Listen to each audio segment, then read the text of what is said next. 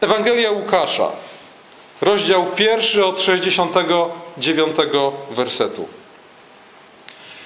Błogosławiony Pan Bóg Izraela, bo lud swój nawiedził i wyzwolił i wzbudził dla nas moc zbawczą w domu swego sługi Dawida, jak zapowiedział od dawna przez usta swych świętych proroków, że nas wybawi od naszych nieprzyjaciół i z ręki wszystkich, którzy nas nienawidzą, że naszym ojcom okaże miłosierdzie i wspomni na swe święte przymierze, na przysięgę, jaką złożył ojcu naszemu Abrahamowi. Da nam, że z mocy nieprzyjaciół wyrwani służyć mu będziemy bez trwogi, w pobożności i sprawiedliwości przed nim po wszystkie dni nasze. A ty, dziecię, zwać się będziesz prorokiem Najwyższego, gdyż pójdziesz przed Panem przygotować mu drogi.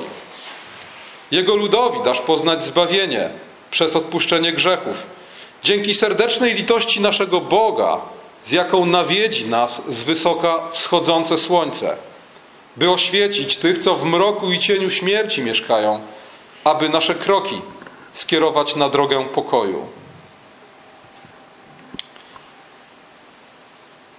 Stefan Kisielewski, opisując stan polskiego społeczeństwa w czasach PRL-u, napisał kiedyś: To, że jesteśmy w, tutaj każdy sobie dopowie gdzie, to jeszcze nic. Problem w tym, że zaczynamy się tam urządzać. Na dobrą sprawę, dokładnie tak samo można by scharakteryzować sytuację Izraela w czasach Jezusa. Nie dość, że byli w głębokiej, to jeszcze zaczynali się tam urządzać. Politycznie bardzo źle. Z jednej strony rzymska niewola, a z drugiej strony w zasadzie nie wiadomo co gorsze: rzymska niewola czy Herod w Jerozolimie. Król z łaski Rzymu, tak naprawdę. Nie dość, że nie z domu Dawida, to w ogóle Idumejczyk. A przede wszystkim człowiek niezwykle okrutny i mający za nic wszelką sprawiedliwość. Sytuacja religijna nie lepsza. Świątynia stała się jaskinią zbójców, jak mówi Jezus. Uczeni w piśmie i faryzeusze są grobami pobielanymi, plemieniem żmijowym, obłudnikami, którzy nakładają na ludzi ciężary ponad ich siły, a sami nie chcą ich tknąć nawet palcem. Nawet wiedza, którą posiadają faryzeusze i uczeni w piśmie, na nic się nie przydaje. Pamiętacie zapewne ten epizod, kiedy do Jerozolimy przybywają mędrcy ze wschodu i pytają o króla, który ma się narodzić, i o gwiazdę, którą widzieli na wschodzie. Uczeni w piśmie i faryzeusze są w stanie odpowiedzieć na każde ich pytanie i pokierować ich do Betlejem. Ale co sami robią z tą wiedzą? Nic. Czytamy, że Jerozolima zatrwożyła się, a nie ucieszyła z tego, że nadchodzi król. Byli jeszcze zeloci, ale ci z kolei woleli rewolucję od nawrócenia. Do tego od 400 lat Bóg milczy. Ostatni prorok Starego Testamentu, Malachiasz, żył 400 lat wcześniej. A te 400 lat ciszy poprzedzone było, były serią morderstw na prorokach właśnie. Kiedy Jezus zbliża się do Jerozolimy, mówi: Jeruzalem, miasto, które kamieniujesz proroków, które zabijasz tych, którzy są do ciebie posłani. Więc Bóg od 400 lat milczy. Polityczno-religijne elity Izraela są skorumpowane, a jednocześnie dobrze się urządziły w tej dramatycznej dla narodu sytuacji. Jedyni ludzie, którzy myślą o wolności, to zwariowani zeloci, których kolejne bunty i powstania prowokują tylko Rzymian do kolejnych aktów okrucieństwa. Do tego, gdybyście poczytali literaturę pozabiblijną opisującą sytuację w tamtych czasach, Izrael był wtedy pełen fałszywych proroków i fałszywych mesjaszy, którzy w dodatku uczynili fałszywe cuda. A ludzie ich chętnie słuchali. I to oczywiście psychologicznie da się wyjaśnić, prawda? No przecież Bóg, w którego wierzymy, to jest ten sam Bóg wczoraj i dziś. To jest ten sam Bóg, który czynił cuda w czasach Mojżesza, Jozułego, Eliasza.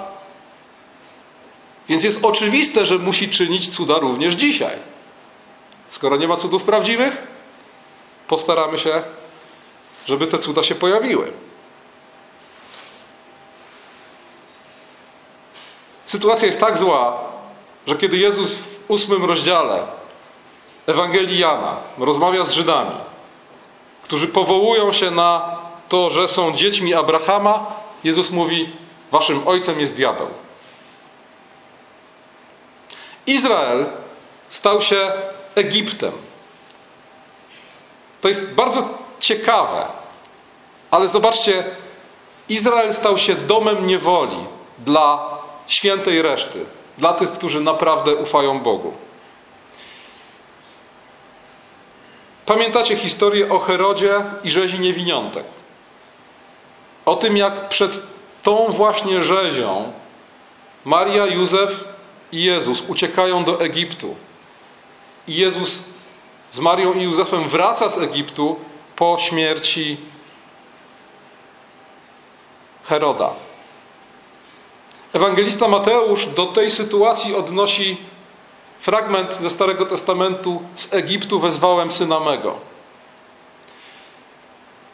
I kiedy przyjrzymy się całej tej historii, zobaczymy, że w niezwykle symboliczny sposób Herod ukazany jest tutaj jako faraon, a Izrael jako Egipt. Bo jeśli pamiętacie, to faraon w Egipcie czyhał na życie nowonarodzonych izraelskich dzieci. Dokładnie tak samo, jak robił to Herod w Izraelu. I tak jak wtedy, w drugiej księdze Mojżeszowej, wybawcą ludu okazuje się Mojżesz, dziecko w cudowny sposób uratowane z tej rzezi niemowlątek. Dokładnie tak samo tutaj wybawicielem ukazuje się Jezus, też cudownie z tej rzezi uratowany. Co więcej, tuż przed narodzeniem Jezusa przychodzą i w Jerozolimie zwiastują dobrą nowinę o narodzeniu króla, oczekiwanego Mesjasza. Kto? Mędrcy ze wschodu, a więc poganie mówiący obcym językiem. Mam nadzieję, że jeszcze pamiętacie chociażby kazanie z 12 i 14 rozdziału pierwszego listu do Koryntian, w którym mówiłem, że kiedy Bóg zaczyna mówić obcym językiem, to zawsze jest znak sądu. Apostoł Paweł mówi o tym, że języki są znakiem dla niewierzących i cytuję tutaj w tym kontekście fragment z księgi Izajasza. Przez usta obcych przemówię do ciebie. I zobaczcie, tutaj znowu dzieje się podobna rzecz. Jerozolima wcale nie oczekuje na narodzenie się króla. Przychodzą ludzie, którzy obcym językiem zwiastują dobrą nowinę. A co robi Jerozolima? Gdy to usłyszał król Herod, zatrwożył się a z nim cała Jerozolima. A więc te skorumpowane polityczno-religijne elity tak naprawdę wcale na Mesjasza nie czekały, a wieść o tym, że nadchodzi, napawała je lękiem. Komentując ten fragment, święty Jan Chryzostom pisał: Nie mogą cieszyć się niegodziwi z nadejścia sprawiedliwego. Tym kontekście powinniśmy odczytywać historię Zachariasza i słowa, które wypowiada, a które na początku przeczytałem. Kim był Zachariasz i co go spotkało? Działo się to wszystko za dni Heroda króla judzkiego. I słuchajcie, już sam fakt, że ewangelista używa takiego sformułowania, że to były dni Heroda, pokazuje, że to były złe dni. Nie wiem, czy zwróciliście uwagę, w pierwszym czytaniu w trakcie dzisiejszego nabożeństwa, w księdze Jeremiasza, w 23 rozdziale, tam gdzie jest mowa o czasach mesjańskich, tam mowa jest o tym, że za jego dni, czyli za dni Mesjasza, zakwitnie prawo i sprawiedliwość. Ale za dni Heroda było zupełnie inaczej.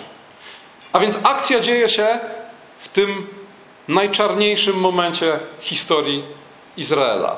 Za dni Heroda.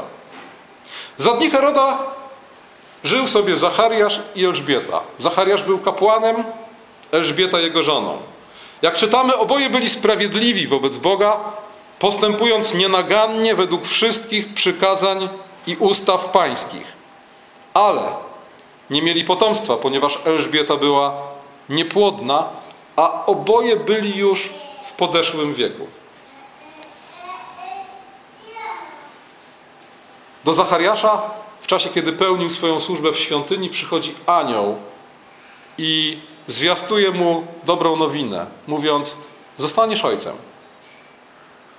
I słuchajcie, żeby zrozumieć wagę tego zwiastowania, musimy po pierwsze pamiętać o tym, czym była bezpłodność dla Izraelitów.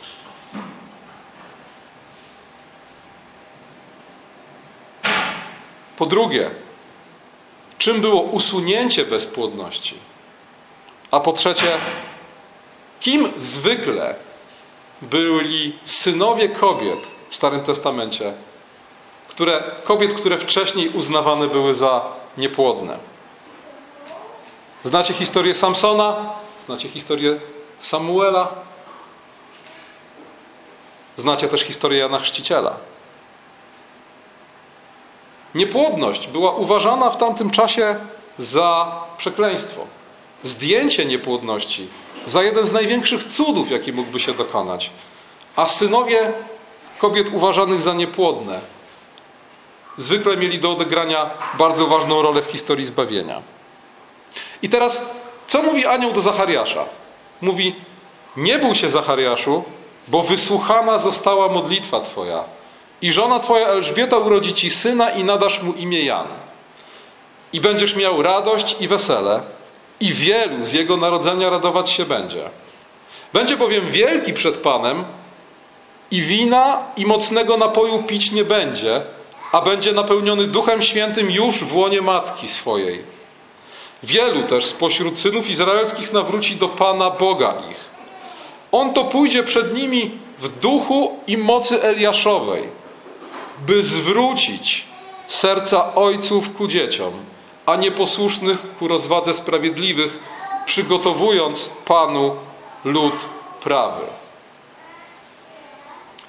Słuchajcie, kiedy Zachariasz wysłuchał tego anielskiego przemówienia, jako człowiek w podeszłym wieku, który całe życie spędził w służbie świątynnej, na poznawaniu Bożego prawa, nic dziwnego, że za nie mówił, tak? Co prawda, to, że za nie mówił, to w pewnym sensie kara, konsekwencja niewiary, jaką okazał, ale to, że generalnie odebrało mu mowę, to nic dziwnego, dlatego że każdy, kto zna Stary Testament, wie, jak niezwykłą rzecz zwiastuje anioł.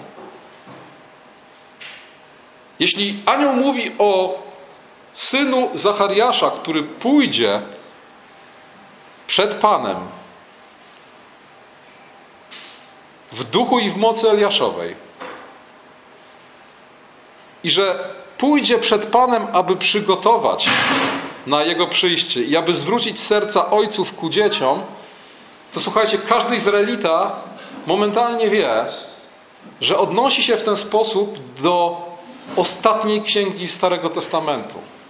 A więc do tego ostatniego słowa, jakie Bóg wypowiedział, zanim zapadła na 400 lat cisza. W ostatnim rozdziale Starego Testamentu, w trzecim rozdziale Księgi Malachiasza czytamy Oto ja posyłam mojego anioła, aby mi przygotował drogę przede mną. Pamiętajcie, że słowo anioł jest też słowem technicznym, oznaczającym po prostu posłańca. Oto ja posyłam mojego posłańca, aby mi przygotował drogę przede mną. Potem nagle przyjdzie do swej świątyni Pan, którego oczekujecie. Bo oto nadchodzi dzień, który pali jak piec. Wtedy wszyscy zuchwali i wszyscy, którzy czynili zło, staną się cierniem i spali ich ten nadchodzący dzień, mówi Pan zastępów. Także im nie pozostawi ani korzenia, ani gołązki. A dla was, którzy boicie się mojego imienia, wzejdzie słońce sprawiedliwości z uzdrowieniem na swoich skrzydłach. Oto ja poślę wam proroka Eliasza, zanim przyjdzie wielki i straszny dzień Pana.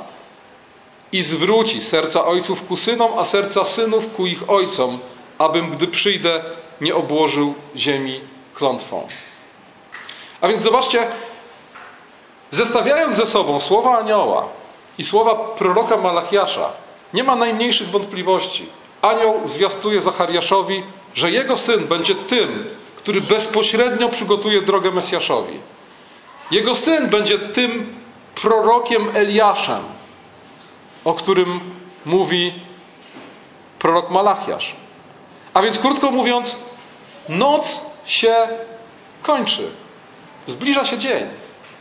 Jesteśmy kwadrans przed wschodem słońca. Izraelici wiedzieli, pamiętali o tym, że najpierw przyjdzie Eliasz, a dopiero potem przyjdzie Mesjasz. Izraelici wierzyli, że Mesjasz ostatecznie pokona wszystkich wrogów Izraela, ale już samo przyjście Eliasza w ich przekonaniu miało bardzo wiele zmienić. Nie wiem, czy wiecie, ale przy wieczerzy paschalnej, tak jak przy naszej wieczerzy wigilijnej, też zostawiano jedno wolne miejsce dla proroka Eliasza, gdyby ni stąd, ni zowąd się zjawił. Eliasz miał przywrócić sprawiedliwość w Izraelu. Nierozwiązywalne sprawy sądowe pieczętowano i pisano w aktach do czasu przyjścia Eliasza. Krótko mówiąc, Eliasz jak przyjdzie, na pewno sobie z tym problemem poradzi. I w Ewangelii Mateusza w 11 rozdziale 14 wersecie sam Jezus mówi o Janie Chrzcicielu, że on był tym właśnie Eliaszem. I paradoksalnie, tak jak Mesjasz okazał się nie taki, jak oczekiwali Żydzi, prawda? Bo nie przyniósł teraz już natychmiast politycznego wyzwolenia Izraelowi, Eliasz też okazał się nie taki, jak sądzili.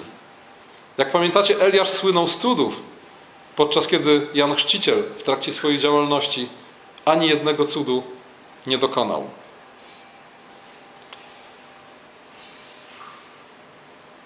Przed taką perspektywą staje Zachariasz. Nie dość, że będziesz miał syna, choć dawno już straciliście nadzieję, to jeszcze ten syn będzie posłańcem, o którym mówi Księga Malachiasza to właśnie on ogłosi, że zbliża się dzień. Że noc, ta czarna noc, w której tkwi Izrael, zbliża się do końca. Zachariaszowi trudno było w to uwierzyć. Anioł w jakimś sensie ukarał go w ten sposób, że Zachariasz zaniemówił do czasu, aż ta obietnica się wypełniła. I dopiero wtedy, kiedy Jan Chrzciciel się urodził, dopiero wtedy, kiedy nadano mu imię Jan, Zachariasz odzyskuje głos i wypowiada, czy w zasadzie wyśpiewuje tę piękną modlitwę, którą przeczytałem na początku. Błogosławiony Pan Bóg Izraela, bo lud swój nawiedził i wyzwolił.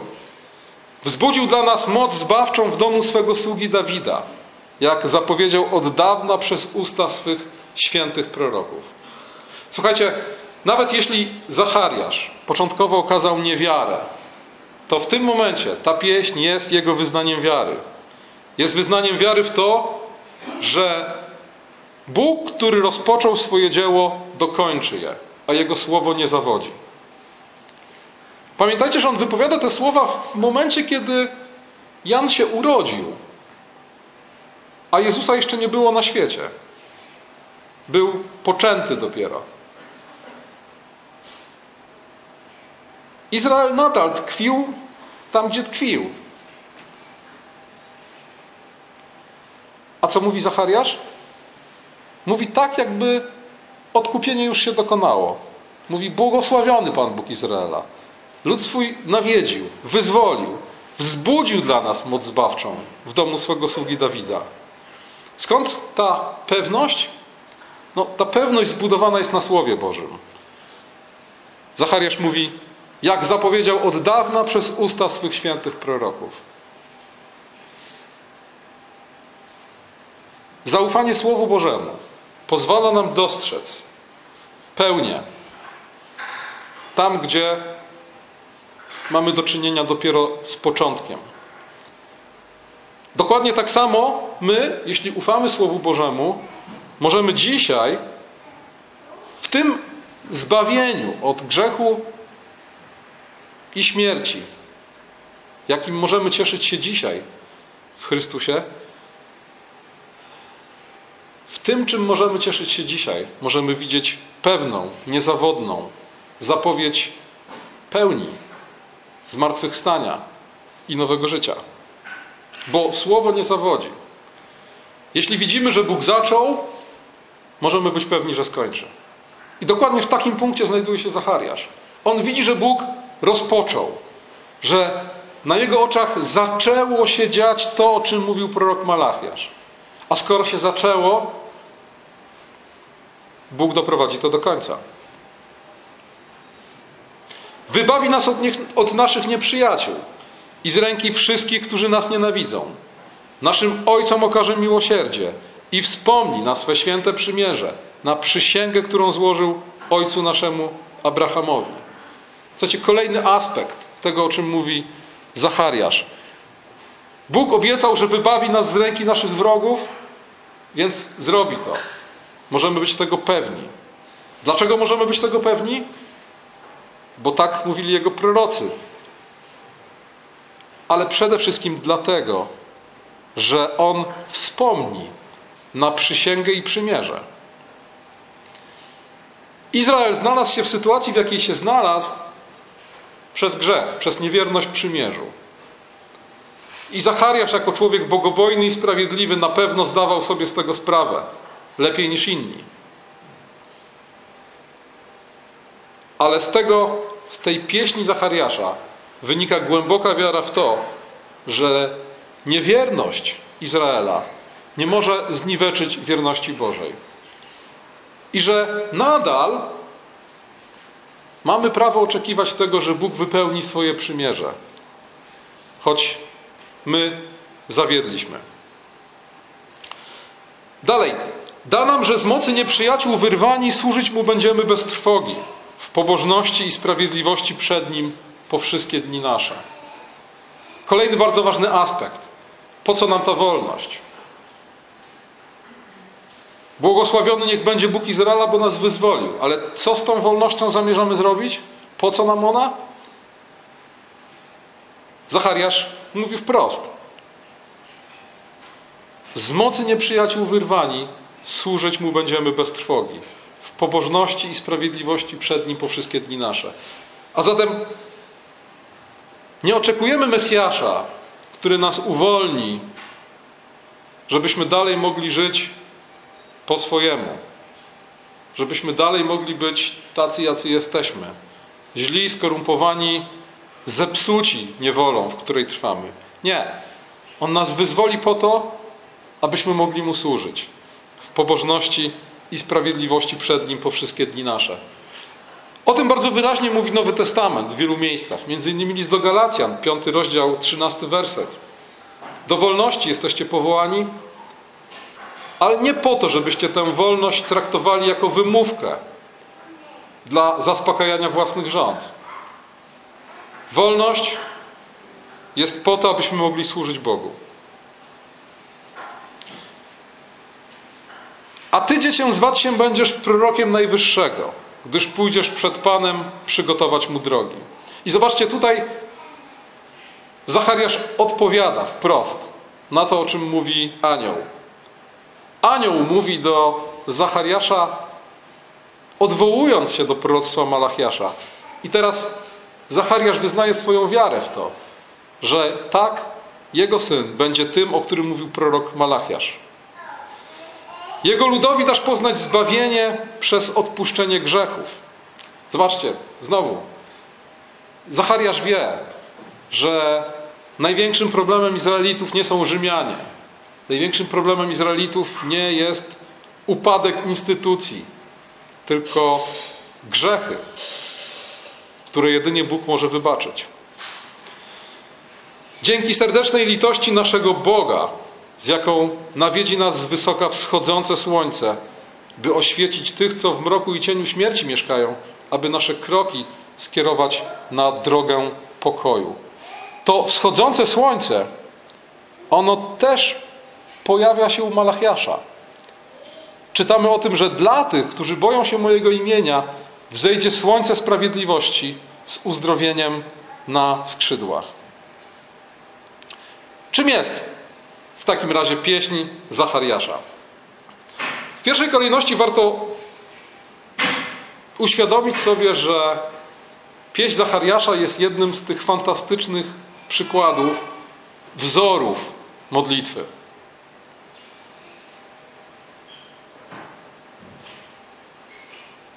Jeżeli otworzycie sobie Biblię Warszawską, zobaczycie, jak wiele jest odnośników do psalmów i innych fragmentów Starego Testamentu w tym tekście.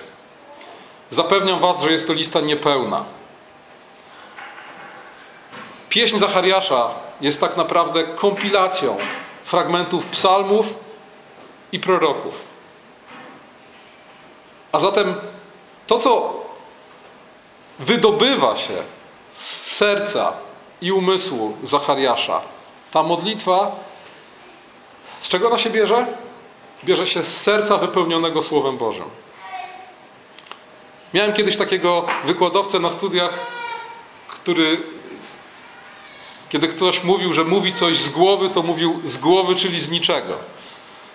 Słuchajcie, często niestety tak jest, że kiedy my modlimy się z naszego serca, to można byłoby powiedzieć z serca, czyli z niczego. Dopóki nasze serca nie będą wypełnione Słowem Bożym, nie będziemy się modlić tak, jak powinniśmy. Modlitwa Zachariasza jest modlitwą człowieka, który najpierw napełnił swoje serce Słowem Bożym, a potem z tego właśnie serca, wypełnionego Słowem Bożym, mówi to, co mówi. I dlatego właśnie powinniśmy śpiewać psalmy. Żeby napełniać swoje serca Słowem Bożym, po to, abyśmy wiedzieli, jak się modlić. Pieśń Zachariasza jest jedną z najczęściej używanych i wykonywanych biblijnych pieśni w Kościele. Dlaczego?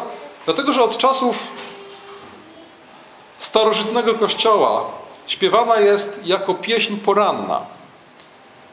Dlaczego poranna? Oczywiście ze względu na to wschodzące słońce, które pojawia się w pieśni Zachariasza.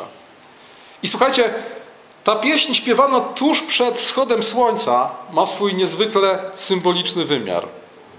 To jest wtedy, zwłaszcza w tym kontekście, tuż przed wschodem słońca, to jest pieśń, która wyraża wiarę i nadzieję, że każda noc musi minąć, a wschodzące słońce nam o tym przypomina. Bóg jest wierny i dokona, dokona tego wszystkiego, co obiecał. Dokona również tego, na co my oczekujemy naszego pełnego odkupienia. W zasadzie, na jakiej podstawie kwadrans przed wschodem słońca spodziewamy się, że słońce wzejdzie? A co by było, gdyby nie wzeszło? Tylko Boże Słowo, tylko Jego wierność sprawia, że mamy prawo oczekiwać, że słońce wzejdzie.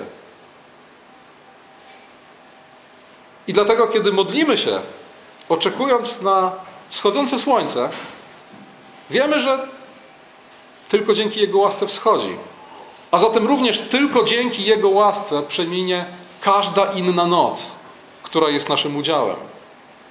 Noc grzechu, noc niewoli, cierpienia, jakakolwiek noc, która jest naszym udziałem. Pieśń Zachariasza przypomina nam o tym, że jeśli jesteśmy, tak jak Izrael, w ciemnym miejscu, nie musimy, a wręcz nie powinniśmy się tam dobrze czuć i urządzać. Wręcz przeciwnie. Tak jak czytaliśmy dzisiaj w liście do Rzymian. Nadeszła pora, abyście się ze snu obudzili albowiem teraz bliższe jest nasze zbawienie niż kiedy uwierzyliśmy. Noc przeminęła, a dzień się przybliżył. Odrzućmy tedy uczynki ciemności, a przyobleczmy się w zbroję światłości. Amen. Powstańmy.